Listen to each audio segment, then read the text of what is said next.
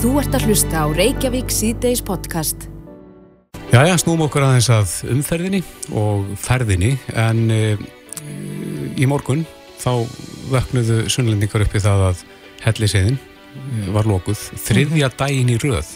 Hefur þetta gerst áður? Ég, ég hef ringt í nokkra sem að hafa, ég er nú búin að keira þessa leið núna í átjan ár, nánastaglega og ég man ekki eftir því að hún hefur lokað svona lengi. Og ég ringti nú í menn sem hafa kert lengur það manna enginn. Nei. E, og maður er fann að svona skinja óþreyju í auknum mæli varðandi ástandið eins og það er. Aldís Hafsteinsdóttir er bæjarstjóri í hveragerðin, kom til sæl. Já, komið í sæl. Já, ég þykist nú vita það að þitt fólk er farið að verða ansi stúrið yfir þessu? Já, ég held að það sé alveg óhætt að segja það og, og auðvitað við höfum öll skilning á því að heiðin loki stöku sinnum þegar að virkilega vondir veður mm -hmm. en að horfa til dæmis upp á það núna í brakandi blíðu að heiðin sé lokuð, það er óskiljanlegt. En hefur þú fengið einhverju upplýsingar um það aldís hvers vegna hún er lokuð, sko?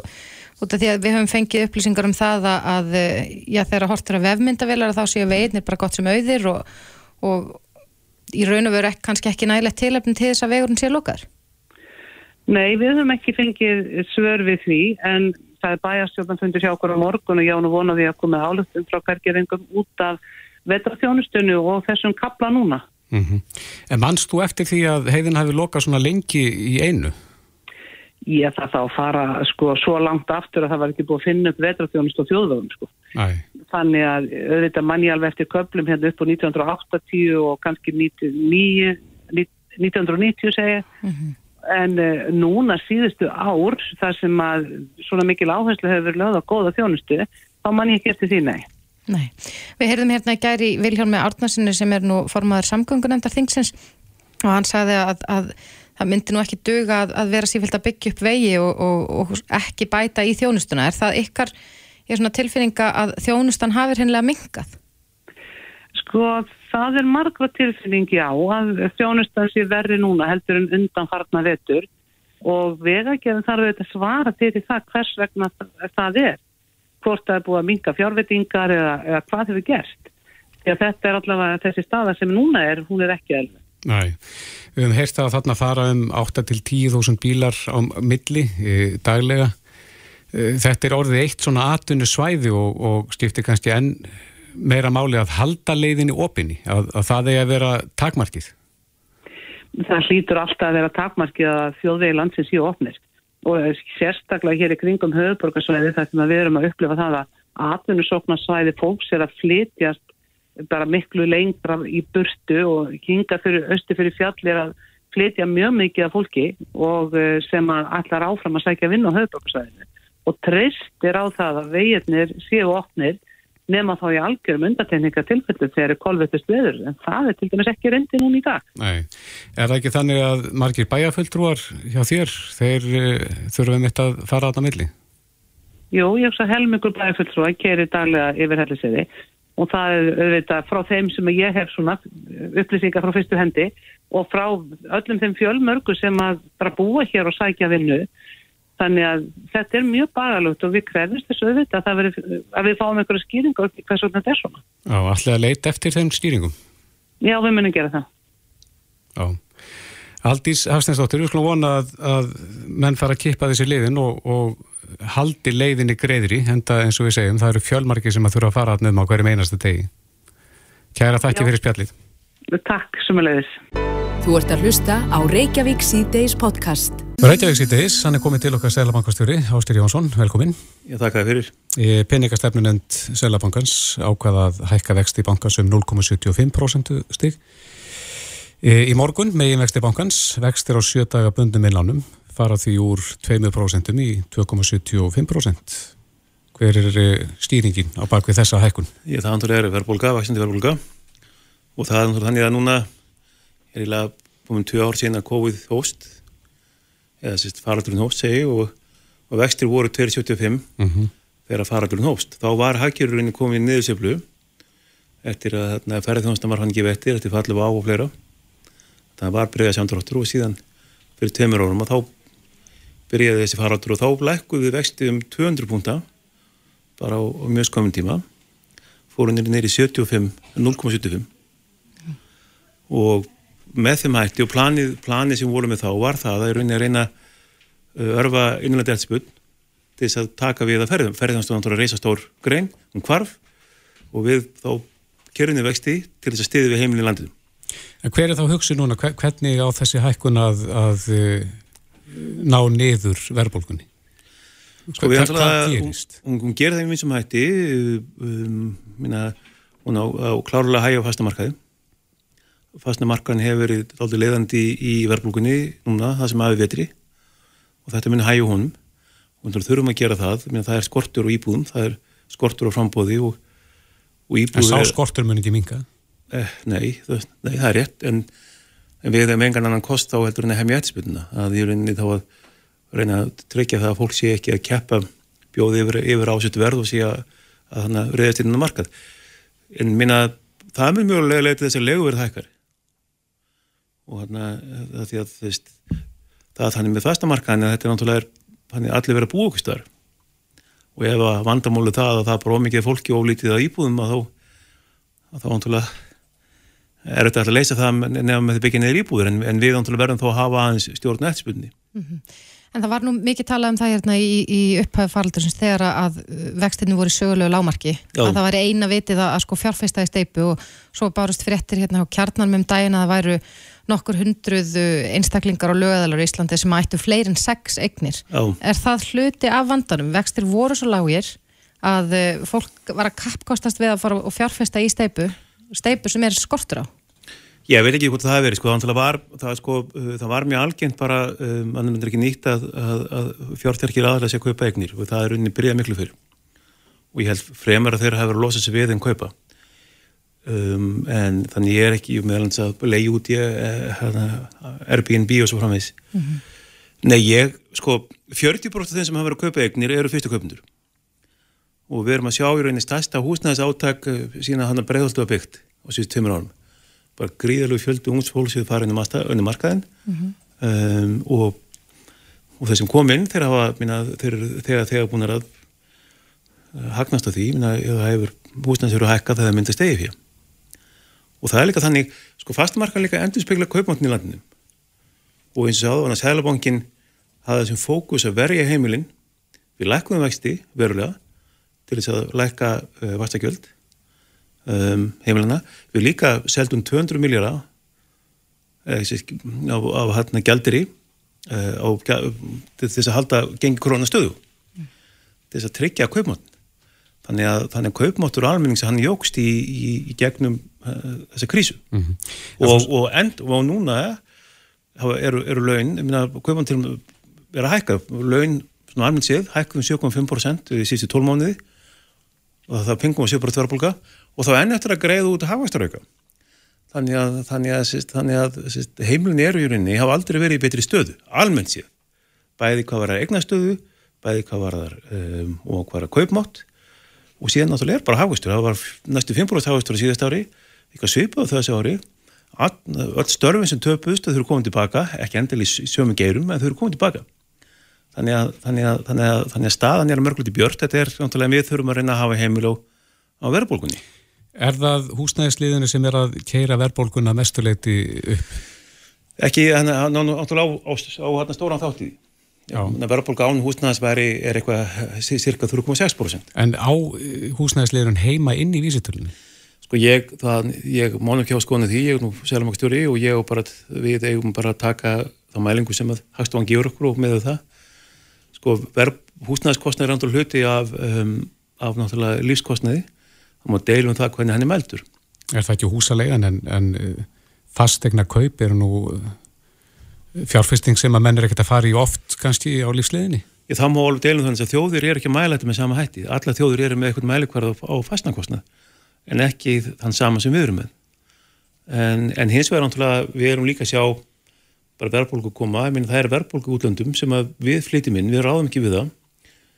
Það er 7% verðbólku í bandaríum 5% verðbólka í Þískalandi þannig að, þannig að þetta er ekki Íslandum sér Íslandum vandamál og mínu áleti þetta sem séu að sjálfbankarnar úti að bregðast allt á sendið og, og þá Eru þeir að hækka vexti eins og? Já, þeir eru partner að gýra þessu upp í hækka vexti og, Sælabanki bandaríkina það er, ég held að hann munið þrú að hækka vexti verulega mm -hmm. og, og enn þann dag í dag, minna vexti núna eru 2,75 sem er lágt í íslensku samingi um, og við þurfum bara að sjá til hvernig þetta gengur, hvernig, hvernig þetta, þetta gengur hjá okkur að, að, að, að halda þessu halda þessu lág, ég Akkurat, en, en þessi vaksta hækkun og þær vaksta hækkanir sem hafa verið að undanförnu, þar eru auðvitað að hafa bein áhrif á eh, heimilin. Já, algjörlega.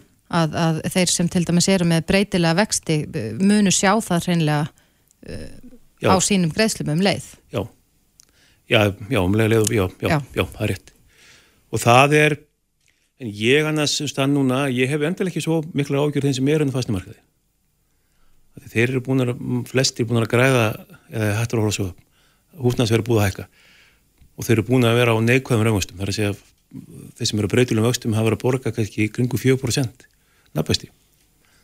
Þannig að þannig ég vorkin ekki þeim sem hafa fengið bara mínusvexti. En hverjum vorkinu við þá? Vorkinu þeim sem er eftir að komast inn á fæstumarkaðin og, og mögulega er bara yfirbúandi húsnæðaskortur í Reykjavík. Eða höfborgarsveina sig mm -hmm. aðeins stærri en höfborgin og mögulega þegar, að, þegar, að, þegar við þrýstum á eignumarkaðina hann að með vakstahækkunum þá bara hækka lögverð allir þurfa að vera eitthvað starf og það er frambóð skortur það er náttúrulega er, er ákveðin vandi og þannig ég óttast að til minnst að núna eftir þessar hækkanir og bæði hækkanir fastnæðari og hækkanir á vöxtum að það verður erfitt fyrir ungt fólk að komast á fastnæðmarkaðin Er það eina liðið gegn þessum hækkunum þá þegar það kemur að húsnæðisverði það er að auka frambóð á lóðum? Til lengri tíma já. Og, og bara e, e, að því að það, það tengist náttúrulega allt saman saman. Um leið og byrjaði að skörf störf afsakið þá byrjaðist fólk að flytja til landsins og þá skapast eftirspilnetir húsnaði mm -hmm. og ef ferðanstu tekur aftur því að segja að þá veist, Airbnb getur byrjað. Reykjavík er bara mjög hraðastu borg og ég held að einhver liti hafi, hérna, hafi þörfin verið vanmetinn en, en, en það sem en við getur svo mikið hægt að hugsa um það, það er, við, við, við, við þurfum bara að halda þessi skefjum. Mm -hmm. En ef maður horfið núna til framtíðar, og ég veit að þessi ákvörðum var nú bara tekin í dag, en Já. ef við horfum aðeins fram í tíman og þú segir í dag hérna, komandi kjærasamningar áður miklum hversu mikið vextir þurfið að hækka til viðbótar á komandi missurum. Hefur þú áhyggjur af þeirri þróun? Já, ég hef það. Hvaða áhrif hefur það ef við, ef við bara tölum um það mjög umbúðast? Sko, það er þannig að um, það hefur saga kjærasamningu í Íslandi með þeim hætti, það hefur alltaf verið færið fram á mjög miklu launahækkanir og sem að hafa í rauninni verið lofthækkanir. Að því því að laun geta bara hækkað hægt og sígandi að, að raunverði og það hefur gengið frábælega vel. Laun hafa hækkað, kaupmáttunum hafa hækkað á síðustu árum en, en um, ég náttúrulega óttast að það hefur verið farið út í hækkanum sem er leiðið til verðbólku um, og og þetta eru eins og þrýra aðalega sem ber ábyrð, það eru náttúrulega Sælabankin og aðalega vinnumarkaðarins og síðan náttúrulega ríkistjóður og við erum oft í því hlutverki þurfum þurfum að bara breyðast við. Og við viljum almenningi allt er besta. Og þannig að við höfum það lögbundna hlutverk að halda verðbúkuskefum og kjara sanningan eru skrifaður á bakinn á mér. Bakinn á Sælabankan í Sælabankastjóri og ráðinn með þeirri skildu að halda verðbúki 25% og tryggja það að það sé stöðut velag þannig að mm -hmm. Þarf að ráðast í nýja lífstjara samlinga eins og þeir voru gerðir hér Já, já ég held, held að það, það þurfi einhvers konar heldar kjara samlinga eh, og, og okkur eru farnast best þannig að, að við að vinna margarinn að vinna saman og, mm -hmm. og Þú ert að kalla eftir hóflegum uh, launahækkunar kröfum Ég hef bara kallað eftir skynsum hækkunum, það er bara að, að fólk seti niður og Hvað líka? Svona ég get ekki komið á okkur mörkum bara að segja það bara að þetta sé bara þessi þætti sem er áða lífskjörum fólks sem, sem fastnæverð, húsnæðskostnar alls ekki frekar, mm -hmm. um, kaupmáttur um, stöðuleiki í, í hérna kerfinu og, og, og við bara reynum að optimisera það bara að þetta saman og En þú ert með öðrum árum að segja að ef að laun hækka umfram það sem að kannski eðlert getur talist að þínum aðti, þá hækkar vexti. Já, þá hækkar verðbólka, þá, þá verður verið hækka vexti við, mm -hmm. við okkur er nöðu verið kostur. Þetta er ekki eitthvað sem ég hef valum. Er það eini kosturinn í þessari stöðu? Nei, nei, sko það er náttúrulega þetta sem ég mjög ymsa hluti. Ég minna, uh, eh, það hefur verið þannig tímis að í það sést, sem ég manna eins og bara hann breiðholti var byggt í, í hann kjæra sanningum, bara sem dæmi mm -hmm.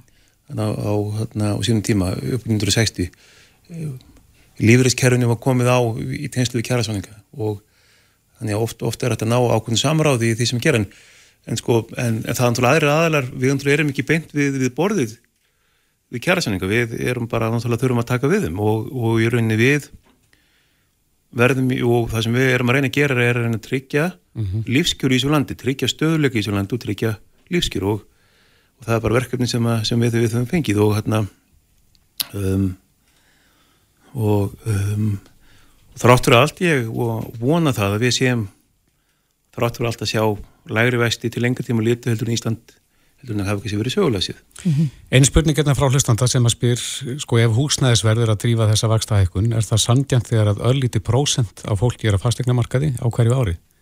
Að eh, Já. þessu sé held yfir alla heldina? Þetta er góð, þetta er góð spurning Já. og hann að Nei, ég minna, nei, er, lífið er ekki sangjant til það, það gjelur þessi svarið. Mm -hmm. það verður eftir, eftir hvernig þetta er mælt. Uh, eins og þetta er mælt núna þá ántölu að það að þó að þessi bara lítið brota af egnum sem fara á sölu og þá, þá, þá hækkar að matið öllum, öllum, öllum húsum.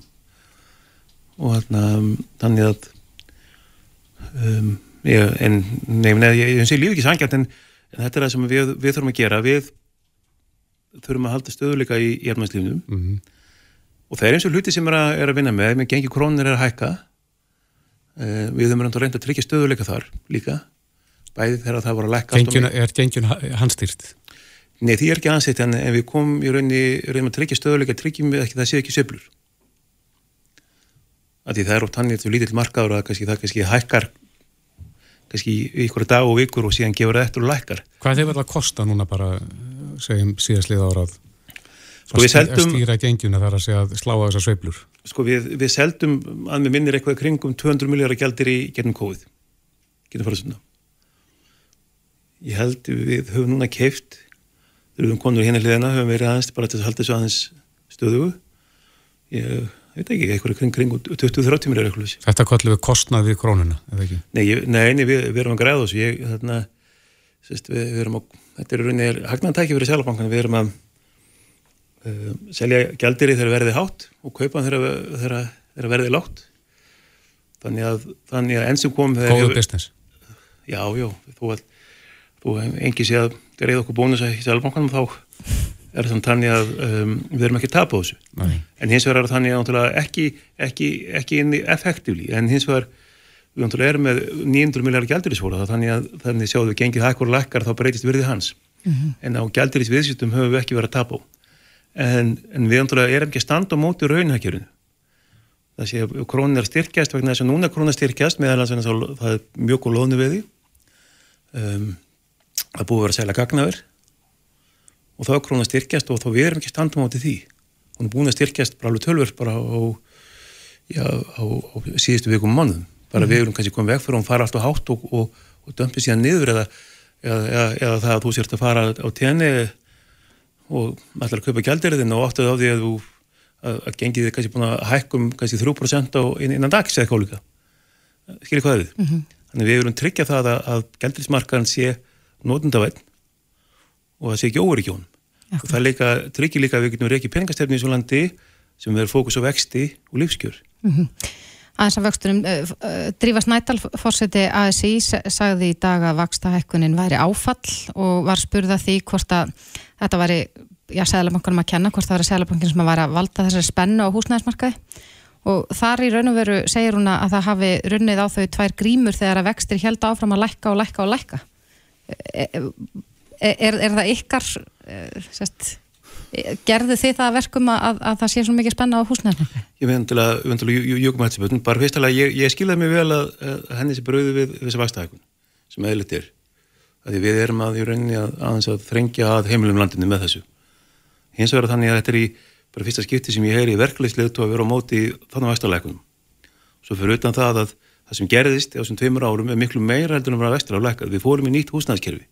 Við fórum úr verðtröðum lánum í nabastalán og það er búið að vera að krafa verkefælisfél hana núna einhvern tíma að, að taka út verðtryggingu og þá ætti að gera með lögum.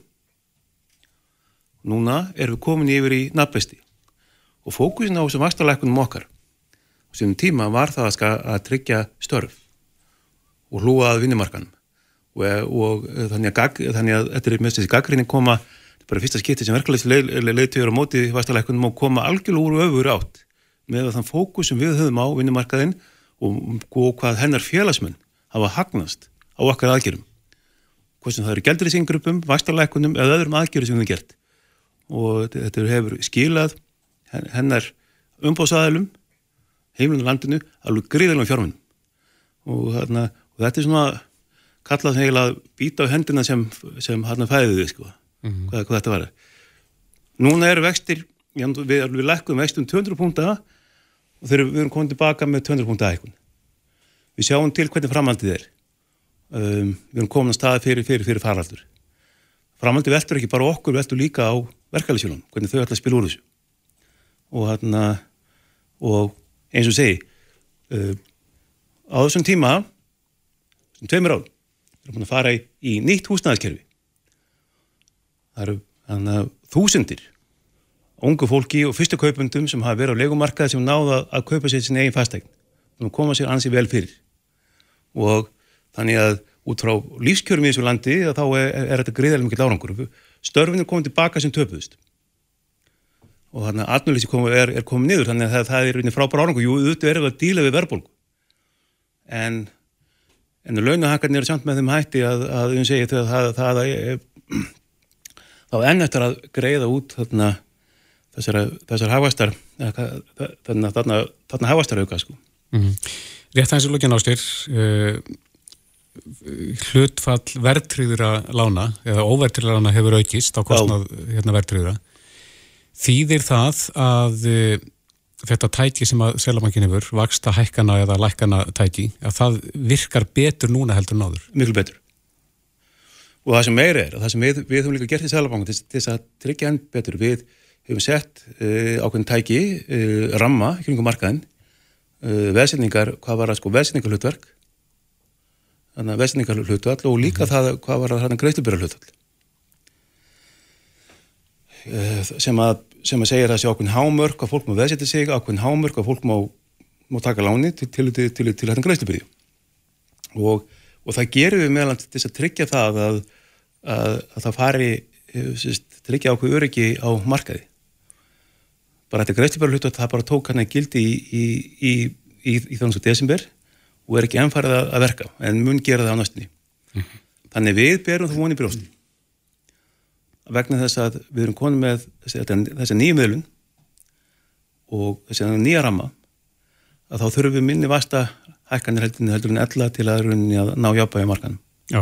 Við möttum að sjá til hvernig það fyrir. Rétt aðeins í blálógin, að því að við vorum að tala hérna áðan um að það eru ákveðnir aðeinar að, að sanga þessi regnum sem er kannski hluti af vandamálinu. E, Þyrft að setja ykkur hömlur á það, hversu marga regnir menn geta átt? Ég er ekki rétti maður til að svara því ég Ég er ekki við sem um að það hefur verið eh, svo mikil þáttur í, í þessum, þessum hækkunum sko. Eh, miklu síður núna heldur en áður sko, sem að var hérna fyrr. Um, ja, því að um, ég held að það... Ja, þessi lágu vextir hljóta að við gefum fleirum tækifæri að fjárfesta í eignum og, og safna. Og það, uh, það er rétt og hérna, eins og er hafa um, sko, það, það var þannig á árunum uh, eftir hrun að það var fókus á fastnemarkaði þessi móti peningu voru þar en ekki inn á hlutabriðmarkaði núna hefur fókusin breyst þannig að þú þurfa að fara það á fastnemarkaði yfir í hlutabrið mm -hmm. Ástur Jónsson, Sælamakastjóri við skulum vona það að næstu við kemur til okkar og þá verðum við með góða fréttir. Já, ég vona það líka og hérna, en, en það er sýtt hérna skemmtilega að læka veistin að hækka þá en, en hvori tvekki getur verið nöðsinn sko. Takk fyrir komina Takk að þér. Þetta er Reykjavík C-Days podcast. Jæja, vindum okkur aðeins svona leikumarkaðin. Já, og uh, það var nú áhugavert að heyra hér aðan hjá Áskeri Jónssoni Sælabanka að hann uh, saðist vorkenna þeim sem að ættu eftir að komast inn á uh, húsnæðismarkaðin. Mm -hmm. Það eru margir á leikumarkaðinu sem að býða eftir því að komast á þangað. Já, og eiga erfitt með að komast þangað vegna þess að leikuverð hækkar. Mm -hmm. Það verður sífælt erfið að leggja fyrir til þess að geta átt fyrir útborgun og Já. Við þekkjum þá sögu. Mm -hmm. En nú hafa samtök leyenda á Íslandi sett upp reiknivél á, á VF sínum sem að sem sýnir sko viðmiðunarverð á leigu hjörlandi og, og þetta er gert til þess að bæði leyendur og leigusalar fái mynd af sangjörnu verði sem stuðlaða heilbriðum leigumarkaði og hann er komin til okkar hann Guðmundur Hrafn Artgrímsson sem er stjórnamaður í samtökum leyenda á Íslandi. Velkomin. Takk hjálpa fyrir. Já, segð okkur aðeins frá reiknivélinu, til hvers er hún? Nú þessi reiknivél er búin að vera í smíðum uh, síðan í nógumbur og tekur bara mið af eða svona, svona hermur svolítið eftir uh, tilsvarandi leigur, leigur reiknum sem að finnast í fjölda borga og, og svæða á löndum í Evrópu og Ameríku líka þar sem að hérna ákveðna fósendur eru gefna fyrir hversu leiga á að vera há, það tekið mið af aldri, starð og staðsetningu, ástandi uh, og líka markasverði uh, húsnæðisins til þess að framkalla eitthvað sem er ásættanlega lega bæði fyrir leigandan og ásættanlegt endurgjald fyrir leigu salan og við erum búin að reikna sagt, fram svona, á, á, svona þrjú stig af leigu, þar að segja óhagnadrifna leigu og líka því sem maður myndi ætla að væri hjá félagsbústöðum og, og þeir sem eru með félagslegt fjármagn sem er endar ekki. Og svo markaslegur sem tekur þá mið af, af endugjaldi og, og hérna fjárfestingarinnar í upphafi þar að segja útborgunum í íbúðuna þar sem að er á, hérna, hækkunun á íbúðinni sjálfri stendur undir ávöxtunum af, af útborgunni ekki leigu tekjurnar af leigandanum þar að ef þú leggur fram 10 miljónir í útborgun og það áttu íbúinni 40 ár þá útborgun kannski árið 20-25 miljón konar verði. Það er ávöxtunum á þessum tíma, þetta er meiri ávöxtunum heldur en gengur að gerist bara á bankamarkaði mm -hmm. og, og hérna að leigu tekjunar, það er standu undir fjármáskostnaði og svona rekstra íbúinni en ekki til þess að borga þetta tilbaka útborgunna, hún á að gerast með hækkunna húsnæðinu sem hefur verið stöðu nánast í bara 40-50 ár. Hafið þið skoðað raunverulega tölu þar að segja útkomin úr reiknivelinni og borðið það sama við það sem gengur að gerist á markanum? Já, við hefum verið að gera það. Þetta, við sagt, uh, sáum þetta strax, við kíktum inn á þessa alþýðu hagstofu sem heitir Numbeo sem er á vefnum sem sapnar saman uh, tölum um hagtölum allstar á heiminum og við sáum strax með að við vorum að kíkja það í haust að að leiguverð með að við uh, hlutvallar kaupverði er miklu miklu herra á Íslandi en nokkur starf annar staðar og að Íslandika væri að borga svona í kringu 30-35% of háa leigu með að við svona hlutvallar kaupverði sem er svona algengur svona algeng viðmið annar staðar. Og er svona fórvega stað með þetta og við vissum náttúrulega að það þurfti vegna þess að að mörg okkur hafa búið elendis og við höfum að nota þessar reiknivilar og við veitum bara hvernig hagsmunars baróta leiðanda fyrir fram annar staðar sem er verið að krefja uh, borgir og bæi og ríki um að setja viðmennum verið við húsalegu þar sem að eh, markanu hefur sleppt lausum. Þannig að við sagt, sáum strax í hvað stemdu og við erum öll leyendur við erum í stöður sambandi við leyendur og ég fæ fjölda símtala hvernig einstu degi frá leyendur sem eru bara aðframkomnir út af þessari háu húsalegu og það segir sér bara sjálft á þess að þurfa einhvern veginn að reikna sér fram að því en það er bara gott að geta sínt þetta svona svart og hvitu það segir sér að fórst með 20.000 einstakleika í hálfgerði sjálfheldu á markanum, á legumarkanum og segja allir það sama að það eru þarna margar hindranir fyrir því að komast inn á eigendamarkaðin að þá er ástandi bróið mm -hmm. það er bara þannig og það, það, það, við þurfum ekki að, að, hérna, að sagt, ræða um hvort að markaðurinn er óheilbröður það bara hvað getur við gert þess að laga þetta? Mm -hmm. Ég flett upp í ganni mínu hérna bara tók sem dæmi þryggja herbyggja íbúði Vesturbæ sem er bara í ágætis ástandi 80 fermetrar Þar segir að sko óhagnardrifinleika væri 129.000 krónur á mánuði, uh, markaslegan 160.000 og að okkurmörkin, sem kann tikka reikni vel, eru 192.000 krónur. Mm. Og svo bar ég það saman við uh, leiguverðið inn á, ef maður fer inn á hérna, verðsjána hjá þjóðskrá og þar er meðal leiguverð 210.000. Mm -hmm. Þetta verðsjáni hjá, hjá, hjá fastegnarskrá eða hjá hagstofunni hún tekur bara mynd, ljósmynd af markanum eins og hún er í dag sko. bara tekur meðalverð af þeim leigursamningum hún er ekkert að segja okkur til hvað er eðleg húsalega. Við erum með uh, gögn frá 2020 þetta er allir kaupsamningur 2020 sem við notum. Og svo notum við bara teljum sagt, fjölda tveggjarbyggja, þryggjarbyggja, fjarabyggja og stærðir og annað. Og við sagt, uh, reiknum líka bara út hvað er fjármarskostnæðurinn að því að kaupa íbúðir árið 2020 bara 50 miljónar íbúð þú þarf að eiga ákveð hérna, eigi fyrir til þess að kaupa íbúðina.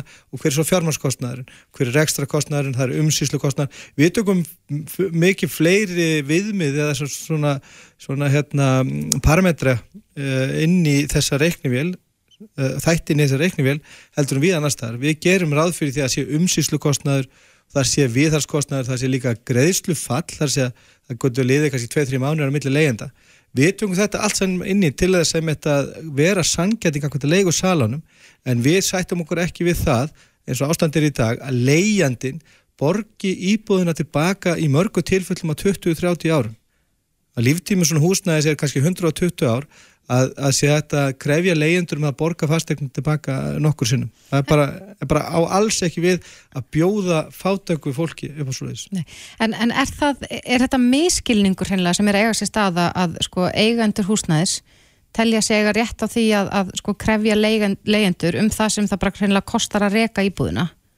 Er, er þetta miskilningur? Nei, er, er þetta nýtt? Eða? Nei, þetta er bara ekki, þetta er ekki, ekki miskilningur. Það er bara því það hefur ekki verið sagt, sagt, stjórnmálamenn og þeir sem er, eru svona, eiga verið hagsmjöla fyrir almenning, hafa bara ekki synd þessu þeir hafa bara gefið bæði fjárfestum og verktökum og, og fjármaksegundum lausantöyminn til þess að aðdæmna sig á, á fastegnamarkanum sem einhvers konar hérna, fjárfestingamarkað til þess að ávasta pundið. Það er ekki litið á þetta sem nöðsina vöru sem eiga að lúta öðrum lagmálum heldur, heldur uh, bara hinn vanjulega markasvara að þetta hefur bara fengið að viðgangast. Að, að því að það hefur ekki verið neginn leiguvend, það hefur ekki verið regluvöldu leigumarkaðurinn. Þess vegna hefur þetta fengið að viðgangast að leigu salar hafa getað bóði leigjandum í, í skjóli skorts bara upp á síhækandi leiguverð. Og það er bara ákveður svona veist, fólk verður bara með og þegar við tala við leigusala allt, maður þekkir ekkert með bara gott fólk sem er leigusalar en þeir segja allir það sama ég bara kíkja hvað er markan þess setjum ég mínum upp á 280.000 þó ég þyrti bara 150 mm -hmm. En e, nú er þessi rekning vel komið fram og uh, verðið í flestum tilvöldum lækkar. Hvað haldið að gerist núna í kjölfæri? Haldið að þeir sem eiga húsnaðið lækki bara sjálfkrafa eða hvað Nei, það að gerast? Nei, ekki dendilega. Við erum náttúrulega upp að byrja svona samtali, svona nöðsynlega samtali þar sem við þurfum að eiga við húsægundur, við þurfum að eiga við sveitafélagin og við þurfum að eiga við verkefælfélagin og allir sem að koma því að huga að hvernig húsnæðismarkaður ná að vera. Mm -hmm. og við hefum þetta samtali um bara starðirnar í þessu reikningvél, hún fyrirfinnst allstæðar kringum okkur, það eru viðmjöður að vera allstæðar kringum okkur, við þurfum bara að koma á svona síðuðu markaði, það hefur sínt sig þar sem að leigureikning vel að hafa verið teknur upp eins og í Barcelona 2020 þar hefur leiguverði verið að, ganga niður og úrtölur uh, hérna, fjárfesta þegar hún var sett á 2020 um að leigumarka myndur hrinja, það hefur aldrei ekki gengið eftir, það hefur metfjöldi leigusamlinga verið undir þetta árið þinglistur uh, 2021 það er þetta því að kemur róa marka en kemur fyrir sérleiki og þetta er gott fyrir alla að það á að vera þólimótt fjármagnin á húsnæðismarkanum og ekki vera braskari fjármagn sem ætlar að framkalla ofsagróða og endugjöf á allir þinni fjárfyrstíku á 15-20 árum. Það bara er hverki þannig og á ekki verið þannig heldur hérna á Íslandi. Mm -hmm. En þið kalla eftir regluverkinu, það er, það er það sem þið viljið að það verði setta reglur í kringum þetta svo að það sé ekki bara leigursaluna sjálfur að ákveða hvað er ásættanlegt eða þægilegt fyrir þá? Nei, þetta er, sko, þetta er mjög ó, óeðlilegt ástand í þess að mikið valda ójafnvægi er að, sagt, að einu maðurinn sem gert bara að ákveða leguverðið og skorturinn leði til þess að fólk uh, þarf ekkert að íhúða eða þarf ekkert að reyna semjum lægra verð.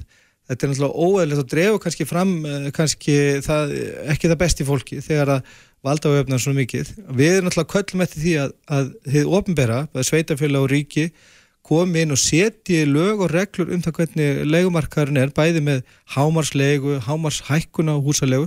Þetta er bara allstaðar svona í kringum okkur og það er, tveir svona markaður getur alveg lifað við hlýðuna á markaði sem er óhæmin eins og í Danmörku er svona hálfpartur svona tvískiptumarkaður það er einn markaður meira, meira minna svona mjög dýra luxusýbúður sem er óregluvættur. En oppin af íbúðum, leiguíbúðum í Danmarku er regluvættur og það er bara hámarslega og það eru reiknivilar þannig að sko valkostunum til staðar er ekki að vera með 35% af húsnæði sem er ekki á félagslegum fórsetum á móti 95% sem er ekkið á, á, á hérna, markasforsöndum þar sem að valdájafni er svona gríðalegt. Mm. Hvað eru margir á leikumarkaði í dag? Það eru 30.000 heimili, ætla að segja ekki um 90.000 íbúar á Íslandi sem er á leikumarkaðnum og það er alveg gríðalegu skortur ef þú bara kíkir inn á svo leigu síður hjá, á fjersbókinu, það eru hérna einhverju fimm stórir hópar einn er að með næstu 80.000 manns þar sem að hérna eru týjir eða hundruður einstaklega að sækja um bara algjörar kitur það er náttúrulega að bjóða fólki upp á alveg hérna ömulegt húsnæði og, og fólk er náttúrulega bara að því þú hefur ekkert val, þú ert ekkert að hugsaði mikið um þú ert með börnin á göttunni eða þart að flytja millir heimila þú bara teku það sem býst Hversu margir af þessum 90.000 heldur að sé að reyna að kaupa? Eik? Það er náttúrulega flestir sem að vilja komast í það öryggi sem að, að sérregnin skapar út af því að leyendamarkaðurinn er svona óbáslega uh, svona uh, slæmur fyrir leyendur þannig að flestir reyna að koma sér það fyrir vegna þess að þar getur frangallega þetta mikla öryggi sem hjálpa þér að draga fram það fjölskyldum eins og þú varst að reyna að draga fram og koma þínum börnum uh, og, og þér sjálfum bara uh, fyrir samfélaginu. Uh, en það er náttúrulega ekki hægt eins og þið komið inn, inn á þetta áðan að leiguverði þessu dag, það er ekki nokkuð leið fyrir nokkuð svona almenna laun þegar að leggja fyrir þegar að þú ert að borga kannski 60% eh, af tekjuninum í húsalegu og til dæmis átt ég samtal við eh, svona legumiðlar í dag sem talaði um að, að hérna að Arjónbanki hann setti þau viðmið að leiguverð mætti ekki fara yfir 60% af tekjum eða ráðstofnum tekjum fólks. Arjónbanki settur þau viðmið við tryggingu á húsalegu sem eru sko 50% herri heldur en heldur en hérna hörmunga við með OECD sem eru 40%. OECD segir að leiga má aldrei fara yfir 40% ráðstökjum fólks. Araborg er bara búin að setja þau við með að það séu 60%. Þetta er ágætið speilmynd af hvernig markaðurinn er í dag. Já, það er, er spurning hvort að eh, já, þetta ástand fara að batna svo að, að fólk geti komist úr þessari neyð eins og myndist á hérna. Guðmyndur Hrafn Artgrímsson, stjórnamaður í samtökum leyenda á Íslandi. Takk kærlega fyrir komuna. Takk fyrir mig. Þetta er Reykjavík C-Days podcast. Við höldum áfram hér í Reykjavík C-Days og ætlum aðeins að tala um COVID. Já, nú fyrir hver að vera síðastur. Já, það er svolítið Vonandi. þannig. Það greindist með fjöldi smita í dag yfir mm -hmm. 2200 Já. smitt sem að greindust í gær. Um, En, en uh, það búið að vera mikil umræða svona undanfarnar vikur og mánu og sérstaklega kannski þegar smittum fer svona mikið fjölgandi og við erum að sjá tölvert herri tölur en við sáum áður í faraldrinum Einmitt. að uh, þeir sem að fá kórnaviru smitt eru forvittnir að vita hvort að uh, það hafi verið omikron eða delta mm -hmm. sem að, að þau eru að smittast af og, og áður fyrir var verklaði þannig að maður sendi inn eðublað til embatis landlæknis og gætt þá óskað eftir þessum upplýsingum Einmitt.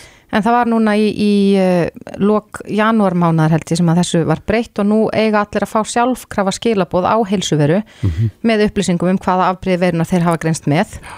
En samkvæmt okkar upplýsingum og við hefum fengið fjölda fyrirspurna frá já, hlustendum mm þar sem að þessar upplýsingar verðast ekki verið að skila sér inn á heilsuveru. Nei, við höfum samband við Íslenska erðagreiningu sem að sagða að þeir skilið öllum þessum greiningum til landlæknis sem að síðan segja það að koma sér á heilsuveruna. Akkurat. Við fengum bæði COVID já, við, á sveipiðum tíma. Já, við bara greindust með dagsmillibili og ég fekk inn á heilsuveru upplýsingar um að ég hefði fengið Omikron. Einmitt, og ég en, er ekki búin að fá neitt. Nei og aðrir sem að smituðust á svipum tíma ég ekki heldur. En til þess að varpa ljósi á þetta fyrir okkur er á línunni Guðrún Aspelund, yfirleiknir á sóttvarnarsviði hjá Embætti Landleiknis. Kom til sæl Guðrún. Komið sæl. Já, er einhver einföld skýring á því hvers vegna sumir virðast fá þessar upplýsingarna helsuveru og aðrir ekki? Um, það er vissulega skýringar á því um, og það var þannig að um, eins og þið nefnduð að Íslands erðagreining um, tók að sér að ræðgreina síni mm -hmm. reyndar einna frá upphafi og hér hafi verið ræðgreina öll um, jákvæð síni sem reyndar frekar óvanlegt en frábært mm -hmm. um, síðan uh, þegar Omikron byrjaði að koma þá svona, kom þessi beðin í raunni og, og frá fólki að, að, að fá að vita sitt afbreyði. Það er nú kannski eitthvað umræðan og komið upp áður en, en það var svona sterkari mm -hmm. og, og það var úr að, að hérna að reyna að veita þá þjónustu og þetta kæmi þá frá Íslandska erðargreiningu og þeir voru að ræðgreina öll síni en, en svo eins og allir vita þá fjölgaði smitum gríðarlega á mjög skamum tíma og fór, fóru svo langt yfir þá getu uh, sem hægt er að ræðgreina á hverjum deg Mm -hmm. og þá, þá var það úr að nýlega frekar um, að það breyttist verklaði með þetta. Þannig að uh, í staðin fyrir að ræðgreina öll uh, jákvæð síni að þá tekur Íslensk erðagreining á móti jákvæða sínunum og endur tekur PCR rannsóknina og það er ákveðið svona uh, atriði í PCR rannsókninni ef hún er gerð á ákveðin hátt Mhm. sem er, gefur vísbendingu og mjög sterka vísbendingu um hvort uh, um Omikron sé að ræða. Uh, og það er kallað S-brottfall. Uh, þetta er það ákveð svæði í veirunni í genamengi hennar um, sem hægt er að lesa út úr PCR-prófi eða gert á ákveðin hátt og það er í rauninni eftir, ek- eins og eftir best við vitum núna ekkert annað afbrið í gangi hér sem hefur þetta einkenni. Og þá breytist það því að ekki að, það er ekki hægt að ræðgreina svona mörg sína hverjum degi og fólk, það myndi þá verið að hafa orðið veruleg töf á þessum niðurstöðum að Íslensk erðagreining er þá að endur taka sem sagt PCR-rannsóknina það er þetta S-brottfall að þá er það talið vera Omikron og þetta BA.1 afbrið af Omikron. Það eru svo svo tvö afbriðir núna svona í gangi af. Omikron og það er þá talið vera þetta.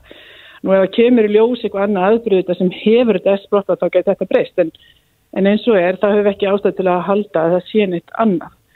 En það sem gerðist þá er að þetta er ekki raðgreining í sjálf sér og þá voru þetta niðurstöður ekki að fara inn sjálfkrafa. Nei, skil. Og þannig að við þurfum núna að fá þessar niðurstöður og það er verið að vinna bara í því og búið að vera í þessari viku uh, og síðan rétt fyrir helgi að, koma því að stað þannig að fólk fái þá þessi skilaboð um þetta og með þá þessum svona fyrirvera þetta er gert á þennan hátt. Að það er ekki gert þá með raðgreiningu. Já, en önnur síni þá sem eru semst ekki með þetta S-brottfall að þá er gerð ræðgreining og, og þá kemur niðurstaðan eftir því og það er þá annarkvort uh, delta sem er svona eitthvað í gangi en þá, þó ekki mikið Mm eða þá þetta hitt uh, afbrið af Omikron, svo kallar BA.2 Já, uh, en það hefur greinst hérna líka þó að það sé minni hlutar. akkurat. En uh, miða við þetta, þetta er svona ákveðin breyting á, á verkferðlum, uh, má þá gera ráð fyrir því að, að þessar upplýsingar muni, sko það er búið að tala um það að þetta muni bara sjálfkrafa koma inn á helsuveru þegar að upplýsingar liggja fyrir um hvaða afbreyður um að ræða. Mm. Muni þetta þá bara settla inn á helsuveru og, og verður það þá afturvirt, sem sagt þeir sem að vita ekki enn og kannski liðin mánuður síðan að smita átti sér stað, muni þau fá upplýsingar? Já, ég ger það fyrir því að það verði allavega allur janúar með þessu. En ekki endilega, ég veit ekki hvort það fyrir aftur eitthvað fyrir það, sko. Þetta var, þetta var að byrjaði þarna með Omikron sem að eh, kom fyrst hérna alveg í lók november Mhm. Og hérna tók svo frekar svona fljótt yfir og er náttúrulega alveg yfirgnæðandi núna. Mhm. En það mun þá, það mun þá verða þannig, já. Mhm. Akkurat. Já, það, það er áhugavert að vita að þetta allavega muni skila sér á endanum en það hefur, hefur fengið fjölmargar fyrirspurnir um þetta hinga til okkar en eh, Guðrún, þú starfa nú á sóttvarnarsviði hjá Embætti landlæknis og eins og við sögðum hérna í upphafi að þá uh, greindist met fjöldi smita í gær er, er ástæði þess að óttast þessar tölur sem að við sjáum í dag? Sko það er í sjálf sér hefur ekkit uh, annað breyst en þetta var og þetta verið búið. Það var búið að spá því að, að með aflettingum undarfarið og breytingum á sóttkví uh, að þá myndi þetta gerast og það hefur orðið eftir að, smittum hefur fjölgað enn meir og þó svo er til vil að sínatökum sjálf sér ekki fjölgað og það má sá sjá líka hlutfalli jákværa sína. En þetta er það sem við erum auðvitað að fylgjast vel með og, og svo lengi sem að, að þetta hefur ekki slæm áhrif um, eins og með veikindum eða öðru að þá verðum við svona að sjá hvort að þjóðfélagi þólir þetta. Það var farið að verða mjög íþingjandi og meirunni meira íþingjandi heldur en veikindin hvað margir voru frá vegna einangrunnar og sókfjær svo það var svona úr að, að, að létta eins á því en þó ekki allir í einu til þess að reyna takkmarkið. Ég held mitt að við hefum kannski tekið alltaf að það eitthvað enda meira. Sko. Erum við langt frá því að mynda hérðónami? Hvað þurfum við að fara í mörg smitt í heldina þar? Já, við tannur einn ekki sko. En til að ná svona einhverju það sem við kalla hérðónami þá þar náttúrulega var mikið meirluti sko þjóðurinn að hafa fengið síkinguna eða vera með ónami. Já. Og það er náttúrulega mikið meirluti bólusettur og svo það er ákveð ónami þar en, en við veitum að bólusetti geta smitast mm -hmm. og svo veikindin séu minni mm -hmm. Er þið farið að sjá fyrir endan á þessu? Hver, hvenar sjáu þið fyrir ykkur að tölurna færi niður á því? Jó, svo þannig hefur svona sagt að, að, að við erum svona vonast eftir því að með þessu áframhaldi að við ættum kannski að sjá í svona í mars en sannlega ekki fyrir það sko Já En Guðrún, kannski aðeins að því sem við rættum hérna áðan, sko varðandi afbreyðin, er staðan Já. ennþá þannig með að við þær upplýsingar sem þegar við fengi frá Íslenskri erðagreiningu að, að 90% þeirra sem að smittast eru að smittast af ómikrón og, og svo 10% delta eða hafa þessi hlutfallega breyst? Já, nei, það er alveg yfir 90% ómikrón. Þannig að delta er útlið? Já, það er, það er mikill minnluti. Mm -hmm. Akkurat, já. Guðrún Aspilund, um, yfirleiknir smittsjúkdóma hjá Embætti landleiknis. Kæra þakki fyrir þetta. Við erum velkomin, takk fyrir. Reykjavík síðdeis á Bilginni podcast. Það hefur verið mikið rætt um uh, fjarnám já. á tímum heimsfaraldur, svo auðvitað vegna þess að við vorum ekki með hefðbundi skólastarf mm -hmm. í háskólum allavega. Svo fyrir það vera svona pottu brotin í það þegar það kemur að fjarnami. Það er ekki eins allstaðar. Nei, alls ekki. Það eru sömur uh, háskólar sem leggja mikla áherslu á fjarnami eins og Bifuröst og Háskólan og Akureyri og fleiri skólar. Mm -hmm. En uh, já, allavega svona miða við umræðina þá virðist Háskóli Íslands vera svona að dragast aftur í þessum efnum. Og það var nú uh, grein sem byrstist á vísi.is í gær þar sem að sem ber heitið sko Háskóli Hluta Íslands vegna þess að fólk á landsbyðina og erðt með að sækja nám í Háskóli Íslands vegna þess að frambóða fjár, fjarnami er mm -hmm. ekki alveg nóg gott. En uh, Björn Levi Gunnarsson þingmaður Pírata sendi fyrirspurn á, á uh, Háskóla yðnar og nýsköpunar á þeirra núna á dögunum og var að fá svar akkurat varðandi uh, fjarnám við Háskóli Íslands. Og Björn Levi er á línunni, kom til sæl Sæl. Já, þú spurðir áslögu örnu nokkura spurninga þarna, til dæmis hversu hátt hlutfall af námi við Háskóla Íslands væri hægt að stunda í fjarnámi og nú hefur þú fengið svör. Uh, getur þú sagt okkur aðeins frá þeim? Já, það er mjög mismunandi á milli sviða þarna hjá þeim og, og, og svo tekið í heldina. Er langmest fjarnámi í mentavisnu sviði. Ég var nú í fjarnámi sjálfur þar við, við gamla kenná, mm -hmm. þannig að þau eru búin að vera með fjarnámi í ansi langa tíma.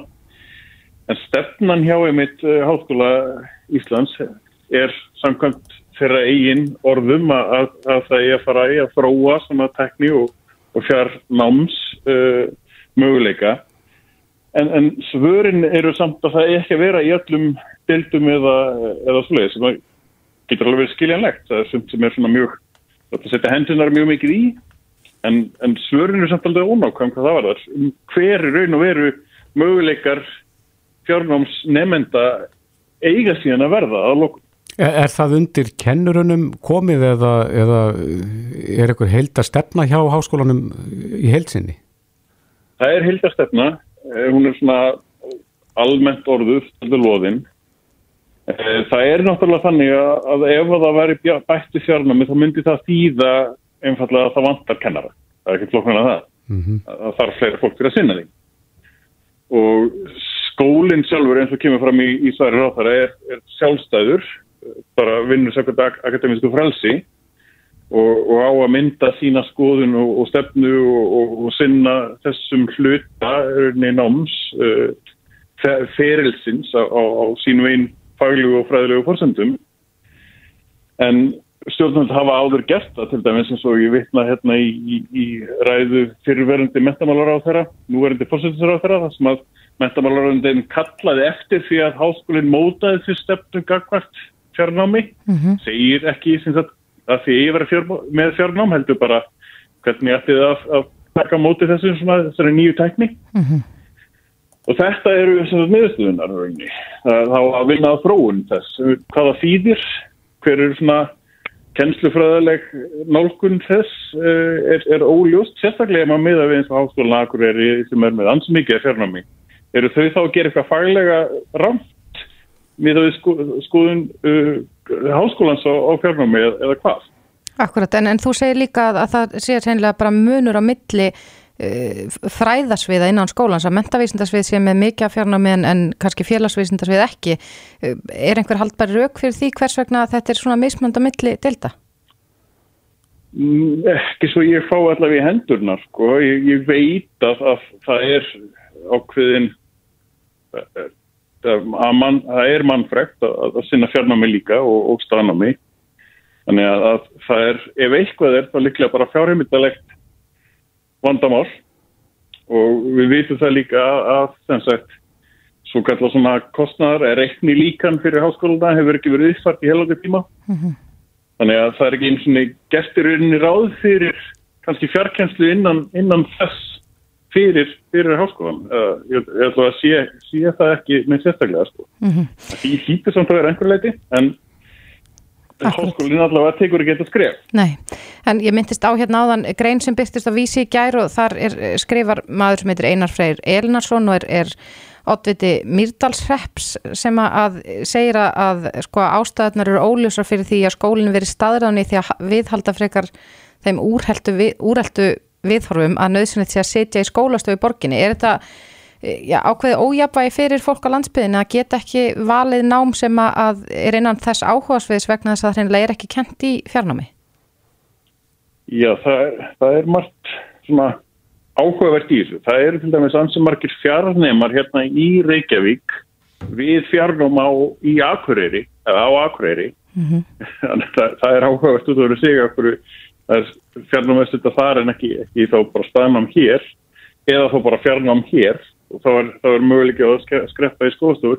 Það er ein- einhver samnýting á þessu en, en, en það vantar einmitt bara heldar myndina á þetta. Og ég veit ekki hvort að það sé uh, vandamál þá í rauninni hérna í þinginu eða, eða hjá, hjá stjórnvöldum að, að fjármagna ekki það sem er mögulegt. Og þess vegna komið þetta ekki inn í stefnuna af því að það er oft uh, svona hænan og ekkið vandamál. Það er ekki hægt að setja stefnu um eitthvað fyrir en það er rauninni vissum að það sé fjármagnað og, og það er kannski ekki fjármagnað að það er ekki til stefna um það. Akkurat. En, En, en, maður veit ekki hver, hver ber ábyrða þessu. en nú höfum við kannski séð undanfarin tvö ár kannski mikla breytingu þetta vegna þess að það hafi verið takmarkanur á skólastarf og fleira slíkt. Eh, Hefði ekki verið raklegt að nýta þennan tíma til þess að akkurat að móta stefnu í þessum málum? Maður hefði haldið það og, og hérna eins og, eins og ég benda á þá er, er, er stefnan að þróa stafræna og, og, og stafræna kænslu og, og, og fjárnám en ég veit, veit ekki hvert sem sagt lokamarkmiðið er eins og er. Nei. Hvar eru við, hvar eru við stödd núna? Það, það er svo sem einhverju upplýsingar um það sem ég fæ í svörunum en hvert eru við að fara og hvað kemur það til með að kosta og ég spyr hvað, hvað mun kosta að vita það ekki. Það er ekki eins og kostnaðar greint það og hvernig við þá í fjárvætingavaldinu rauninni að geta komið til móts við það að, spyrja er þið hérna vantar ykkur fjárheimildir til þess að sinna þessu hverju ávinningur okkar af því eh, og, og þess aftar mm. Þannig að þú er ekki fengið fullnæðandi svör við þessum spurningu þínum. Nei, þetta er í dálítið sjálfheldu verið vera Já, einmitt. Björn Levi Gunnarsson, Pírati, eh, kæra þakki fyrir þetta. Takk sem leiðis Reykjavík síðdeis á Bilginni podcast. Það voru frekar svona ógeðfeldar fréttir sem að bárust um daginn. Við uh, sáum það bæði í læknablaðinu og svo fjallaði rúf um málið. En uh, ringormar fundust já, meðal annars í bleiu barns Já, og þetta var viðtal hérna við uh, lækni hjá tilhörnastuðin á Keldum. En á, á nokkur ára tímabili þá fundust ringormar og það sérst skrýða upp vélindað og upp í munn og e- einst líka, eða sérst einn ormur fannst ég held í ælu hjá barni, þetta er svona frekar ógeðfeldafréttir ég sé það bara svipnum aður. Já, ég, er, ég er að sko gretta mig á meðan ég segi þetta Já, En uh, fiskikongurinn sjálfur, Mhm. Kristján Berg, tjáði sig aðeins um þetta inn á Facebook í dag og segir þar sala á fiski hefur hrunið niður eftir umfjöllun rúf um ringorma. Mhm. En uh, Kristján Berg er á línni. Sælvertu. Já, komið sæl. Er, svo, er þessi umræða um, um eh, ringorma úr, úr fiski að valda bara reynlega eh, já, tapi hjá ykkur fisksölunum? Já, ég, það er bara heldur betur. Við finnum bara vel fyrir því. Mm Því miður. En eh, nú er við, eh, núna er þessi mánuður fiskbúar, þar sem að, landsmennur eru kvattir til þess að borða fisk í februar og, og já, það er nú eitt, eitt af markmiðum hjá mér að þess að bæta í, í fiskineisluna. Erum við að borða minni fisk en við gerðum áður? Já, miklu minni fisk. Miklu minni. Og, og það er bara synd að mennur að bóra minni fisk. Akkur heldur að það sé? Það er fyrst og fremst þegar fiskur orðin mjög dýr á Íslandi. Það er bara þannig og við stjórnum við fisksala, við stjórnum ekki verðlætingu á fiskin út úr búð. Við erum að keppa við alheimin. Það er kannski 1-2% af fiski sem veiðist við Íslands strendu sem að fyrir að borra landsmanna. Þannig að samkeppni erlætins frá ásókninni í íslenska fisk hún hefur aukist og verðið hefur hækkað. Mm Og það kemur náttúrulega við byttuna okkar. Ég menn en fiskur á Íslandi er ódýr með hvað þú farð í öðru löndum. Ég bjó nú í Danmarku rengi og það var fiskur miklu dýrari. Já. Með við það sem hann kostar annars þá er hann ódýr á Íslandi. En fiskur er orðandi og það er held ég eina aðal ástæðan fyrir að, að, að fiskneislega mika. Mm -hmm. Aðeins hérna snúm okkur að eh, þessum fréttum af ringorminum. Eh, Hversu aldengt er það að fólk sem að kemur út í fiskbúð og kaupir fisk að það fái spriklandi ringorm með? Er þetta ekki allt gegnulýst? Ég get nú ekki sagt að það sé algengt en ég menna að vita núna flesti sem að eru að búa á Íslanda að hafa umgengist fisk að það er, er ringormur í, í fiski. Mm -hmm. Í, í sérstökum tegundum þá? í sérstökum tegundum og fiskur sem eru ákveðnum svæðum en við sem erum að selja fisk eins og ég með mína versluna ég, ég er búin að vera, núna bara 12 maður er ég búin að vera að selja fisk í 33 ár þannig ég voru nokkuð kunnugur hvaða fisk ég á að kaupa inn fyrir mína verslanir Mm -hmm. þannig ég er að reyna að forðast þessi svæði sem eru meira ringormar en við náttúrulega gegnum lýsum allan okkar fisk og þannig að það getur, já við reynum náttúrulega að taka þetta orma, það getur alltaf slæst inn og, og Hvaða tegundir eru þær? er ekki- Já, það er náttúrulega aðalega bara þorskurinn sem er en, en það getur verið ormur í hvaða fiski sem er en það er alltaf mest í þorski Mm það er ekki mikið í ísu, það er bara eiginlega, já, það er bara eiginlega ekkert í ísu Nei. En, en er ekki þetta bara reynilega að drepa ormana þegar maður eldar fiskina, eða hvað? Jú, og það er hérna það sem þessi fréttaflutningur er þarna hjá Rúf að það er náttúrulega verið að tala um að þetta er lifandi en þú eldar fiskin rétt. Og jafnvel bara gegnulýsana heimahöður eða bara setur fiskflæki upp í ljósi því að gegnulýsing er náttúrulega bara ljós í gegnum fiskin og sér og hann er yfir dökku þá getur þú fjaraðast hann sjálf. Og sér náttúrulega til þess að drepa ringormina þá þarfstu náttúrulega bara að elda fiskin í gegn. En uh, nú uh, veit ég ekki alveg hvernig sko, flestir eru, þú veist, það var alltaf fiskur á, á mataborun hjá mér í gamla dag hvort sem það var svoðin í sig eða bara einhvers konar fiskur og alls konar fiskur. Hvað er vinsalast núna? Eru flestir að koma til þín og kaupa sér tilbúna fiskrétti eða eru við ennþá bara að versla flöku og matriða sjálf? það er rosalega misa sko, það, en það er, hefur orðið gríðarlega aukningu sölu og laxi og bleiki alveg bara margfaldast á milli ára og ef ég tek saman það sem ég er að vestla yfir ári í, í, í miljónum þá er, þá er laxin þar vegu þingst og þar og eftir er þoskur og svo ísa -hmm. Hvað heldur að valdi því að, eða ráði því að uh, laxin er svona vinsel? laxin er náttúrulega bara rosalega góður matfiskur Og hollur? og hollur, já, omega 3 í honum og, og þetta líka sagt að fólki það, það er, er svo ekki í þetta Mm og hann er náttúrulega eldisfiskur þannig að hún er slátra daglega þannig að þú ert alltaf með eins vör og það er það sem fólk er að hérna, sækjast eftir að, koma alltaf á einhverju vöru sem er alltaf eins, alltaf. Ég meina eins og McDonalds þetta er alltaf eins og bræð, þetta er ekki besti borgar sem smakka en maður gengur að vísu hvernig hann bræðast og það er saman með laxi, þú veist hvernig hann er hann er alltaf feskur og það er hérna það er bara mikið salið því, auðvöldri maturöslu Já, er það eiginlega undantekninga lust, Kristján, að, að fólk sem að kaupir lax, að það sé að fá eldislax, ekki vildan? Já, það er alveg undirtekninga löst. við, erum, við fáum kannski 300-400 kíló á sumri af viltu lagsi, allt annað er eldi sko. En það hefur breyst svolítið sala í lagsi með þegar það var áður fyrir. Það, hérna, þegar var bara viltulags, það hefur sett að bræða viltulagsi, þá vildi fólk ekki borða eldislags. En núna er það voru öfugt. Það fólk vil frekka að fá eldislags heldur viltan. Jáhá. Þetta byggir bara upp á því sem ég er afgræða fisk í búin hjá mér. Akkurat. En þú, þú tjáðið nú um þessi málin á, á eh, Facebook í dag og, og ert meðal annars að, að sko svolítið að beina spjótum að því að, að við þurfum bara hreinlega að fara að borða hotlari mat og minnist á, á frétturum að áunin síkursíki gæti orðið vandamál. Ættu við að vera að borða miklu meiri fisk en, en við raun gerum? Já, ég með það voru fréttir og, og menn hafa nú ekki tatt mikið annað að gera síðustu tvö árin er, er að grína, er lesa fréttir og fylgjast með fréttatíðum. Og það er bara þannig að áinni síkusíki er orðin svakalegt vandamál fyrir Íslands heilbriðskerfi og ég get alveg fullvisa fólk um það að borða fiska þá er það engin síkur en eitt í því. Þannig að Íslendingar eru bara farnir að borða mikið rusk fæði. Það er bara staðrind. Og fiskur hérna ætti verið ofta að borða landsmanna. Mm -hmm. Og við lifum á Íslanda, þetta er villibráð, þetta lifir hérna kringu landið, þetta er ómenga, þetta er, er ekkert salt eða nýtt í þessu og getur bara ekki fengið hotlari fæði. Og það sem að þurft að gera, að ríkistjórnin hún þurft að greiða eitthvað nýðu fiskur þannig að fólk myndi borða meiri fisk. Lambakjött er greitt niður 7 miljard ári og við tökum fiskneistlu á öllu landinu, allir leikskólar, fangilsi, öll heimil, allir veitingastæðir. Fisksala á Íslandi, hún næri ekki 7 miljardum ári.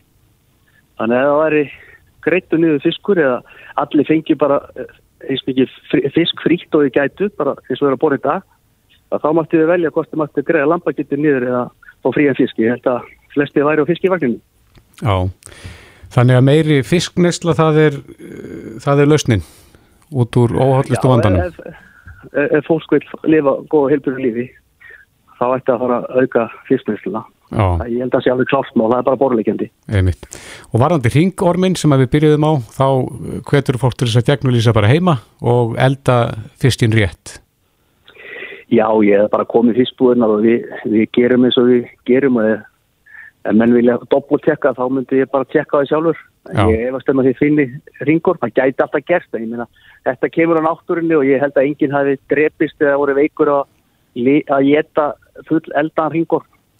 Hann er bara fullur af brótinni. Nei, þetta, þetta hljómar kannski ágeðfeldar en það er í raun.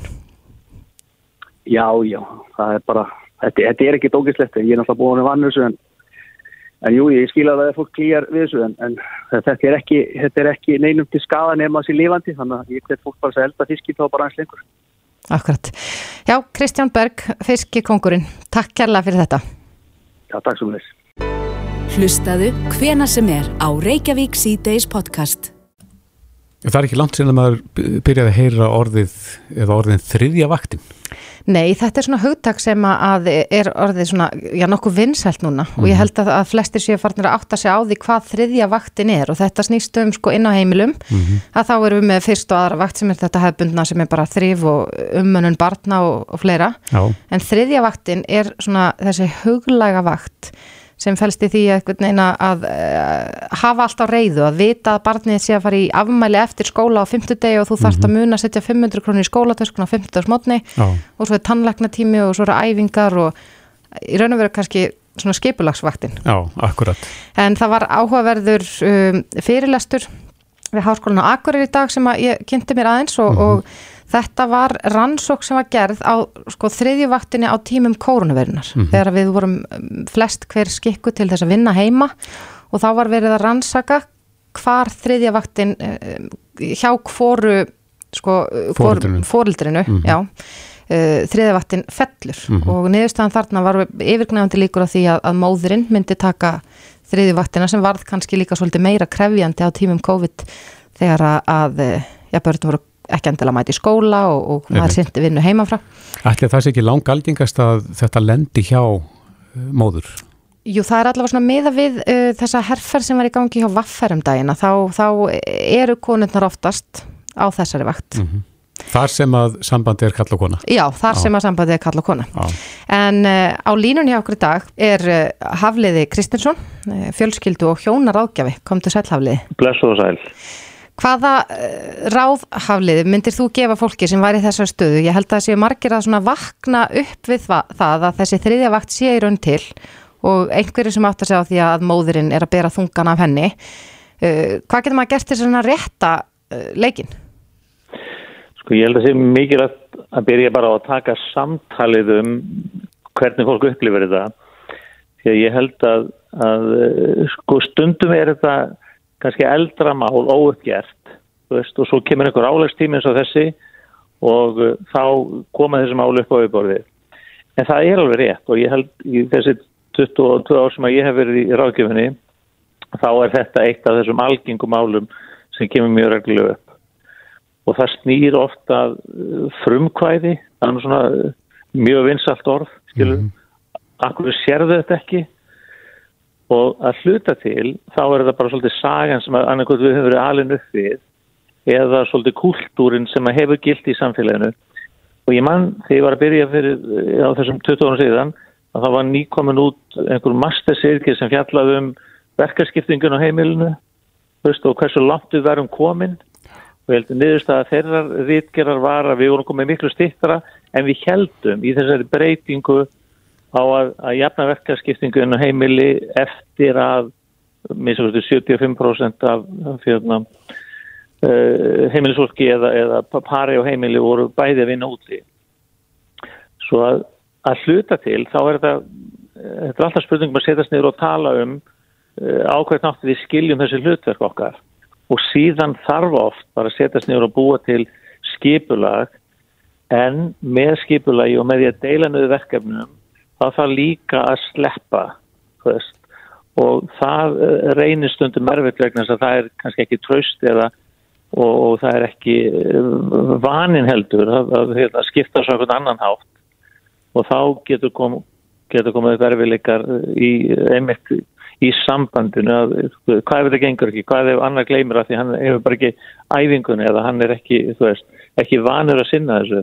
Svo þetta, ég held að fólk þurfa að gefa sér góðan tíma ef það er alltaf að taka þessa breytingu, hún er nöðsynleg þá er mjög mikilvægt að bara taka umræðan um það, skilu, hvað, hvað ætlar að taka að þér og hérna, og hvað liggur svona þessi ábyrg og síðan fyrir þann sem hefur haft þetta lengi og, og kann þetta utan að sá aðli verður að geta bakkað út og sleft mm -hmm. eða, eða breytingin á ganga í, í gerð. Já, þú vilt meina að þetta sé ekki náttúru lögmál að konurna séu bara betur til þess vallnar að standa þriðavaktina? Ég sko, ég held oft á tíðum þá, ég held, sko náttúru kemur inn í þetta í, á þannhátt til dæmis að hérna móðurinn hefur þessi tengsl með þessi fyrstu mánuði miklu meiri og miklu nánari og það snýtir til dæmis bara að, að náttúrulegum hlutum eins og brjókstakjöf og öðru. En uh, ég held að þetta sé bæði náttúra og hérna, þetta er bæði veist, með þetta og áunnið Já, en eins og segir að þá er já. þetta er hérna stór hluti ástæðu þess að fólk kemur til þín í ráðjöf það er Já, að þetta- þessi já. vakt er og mikið öðrum einn Já, já, sko ég veit ekki hvort þetta er stóra ástæða að fólk kemur en þetta er stóra ástæða í umræðinu um hvað, hérna, hvað fólk er að takast á um.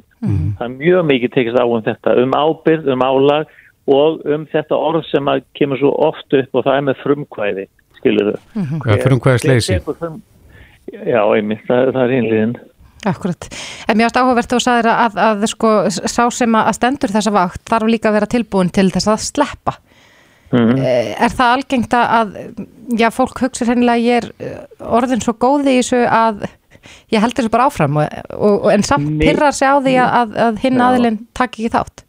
Ég held að þetta sé kannski spurning um tröst, skiluru, og hérna, svo er það líka, í, í sumum tilfellum, þá hefur bara fólk mjög svona ólíka skoðun á því hvernig á að fylgja þessum hlutum eftir og hversu mikilvægt eitt og eitt og annað er, skiluru, uh, og það kannski byrtist þá í ef þú sleppir ábyrðin og hinn gerir þetta ekki eins og þér finnst að ég að gera þetta, skiluru, þá ertu að gera aðtáðsandi að grípa inn í, svo uh, oft er gott á að ræðum og hvernig viljum við hafa þetta, hvað er mikilvægt, skilur að taka ábyrð þýðir hvað. En já, en stundum á fólk er þetta með að sleppa þessu. Veist, það, það, það vill sleppa þessu eða það er þreytt eða það búið að vera mikið álag eða, þú veist, og það vil sleppa þessu en það er bara annarkoð svo vant að gera þetta eða það hefur ákveðna kröfur eða standard sem að því finnst að hins sé ekki að, að mæta og þá grýpur þinn í eða, eða gera einhver leiðilega anþársum þá er þetta orðið en þá verður þetta var. Já, en haflið er ekki líka akkurat sko, ef maður snýr þessu eins við, þarf hinnaðilinn sem er kannski bara guðslífandi fegina að sleppa þessari vakt, þarf hann ekki vera viljögur til þess að taka þátt í henni? Algjörlega, og það þarf að vera skilningur á því að þetta er bara hluti af verkefnunum sem að þarf að skipta á milli og stundum hjá, hjá fólki sem að stundum verður þessi skipting bara svolítið, hún kemur að sjálfu sér og verður bara þægileg af því að báðir aðilar hafa kannski sögðan skilning og svona dræf til þess að gera þetta mm -hmm. vandin er þegar er mikill munur á þessu dræfi eða, eða á frumkvæði þú veist, mm -hmm. ég held að það, ofta tíðum þá snýr þetta að þessu sko ef engin, e, þú veist, ef annar enn tekur ekki frumkvæði og hinn gerir það og lengi vel kannski gengur það ákveðlega en svo kemur þessi tími þar sem þú ert búin að fá nóg af, af álæginu er nóg af svona óvirkri þáttöku eða það sem þú upplýður sem óvirka þáttöku annars veist, og þá koma þessi ofta átakasamskipti það er krafanum að gera betur. Mm -hmm. En þú myndist á hérna áðan sko þegar þú byrjaði í þessum bransa hvernig hlutinni voru þá við hljótum að vera komin allavega mjög langt uh, sko, í, í verkaskiptingur hennilega inn á heimilum staðan er alls ekki eins og núna hún var fyrir einhverjum tögum árum síðan er þetta kannski bara næsta byltingina að þessi hugrana byrði dreifist jafnara millir kynjana? Ég held að, ég held að það sé alveg veist, og eftir því sem að hérna, og núna til dæmis í, í, í þessu umhverfi þar sem að um, til dæmis skilnaðir eru komin neyri yfir 40% að, og, og, og, deildur tími barna með fóröldurum er orðið miklu jafnar en hann var veist, að þá er þetta orðið minnstakosti þessi sjálfsvæða krafa þar Fylgur, þú ert ekki að ætla til þess að aðilin sem að forsjáraðilin sem er ekki með ábyrðabarninu eina viku að hann sé að fylgja eftir öllu sem þarf að fylgja eftir þá vikuna mm -hmm. svo það til dæmis hefur þrýst fólki til að hérna að, að hísi upp með sig eða, eða, eða breyta þessu. Og svo gengur fólk kannski inn í nýtt samband veist, og þá hefur kannski haft æfinguna vegna þess að þú þurftir að gera þetta út af einhverju hérna, afdrifaríku eins og skilnaði til dæmis. Það, það er ímislegt sem hefur haft áhrif á þessa hérna, á, á þessa breytingar mm. og já, og ég held að fólk sé líka bara vakna svolítið upp við það að þetta er miklu meira sammeilita verkefni og vonandi er alast upp kynslu af börnum og ungu fólki sem að sér bara fóreldra, báða fóreldra virkar í öllu, öllum regnbónum af hérna, verkefnum sem er inn á hefilinu. En eflust einhverju sem að hugsa okkur þegjandi þörfuna fyrir að vera að minnast á þetta núna en hafliði Kristinsson, fjölskyld og hjónaráðjafi, kæra þakki fyrir spjallið. Já, takk svo vel eðis. Bless, bless. Bless. Reykjavík síðdeis á bylginni.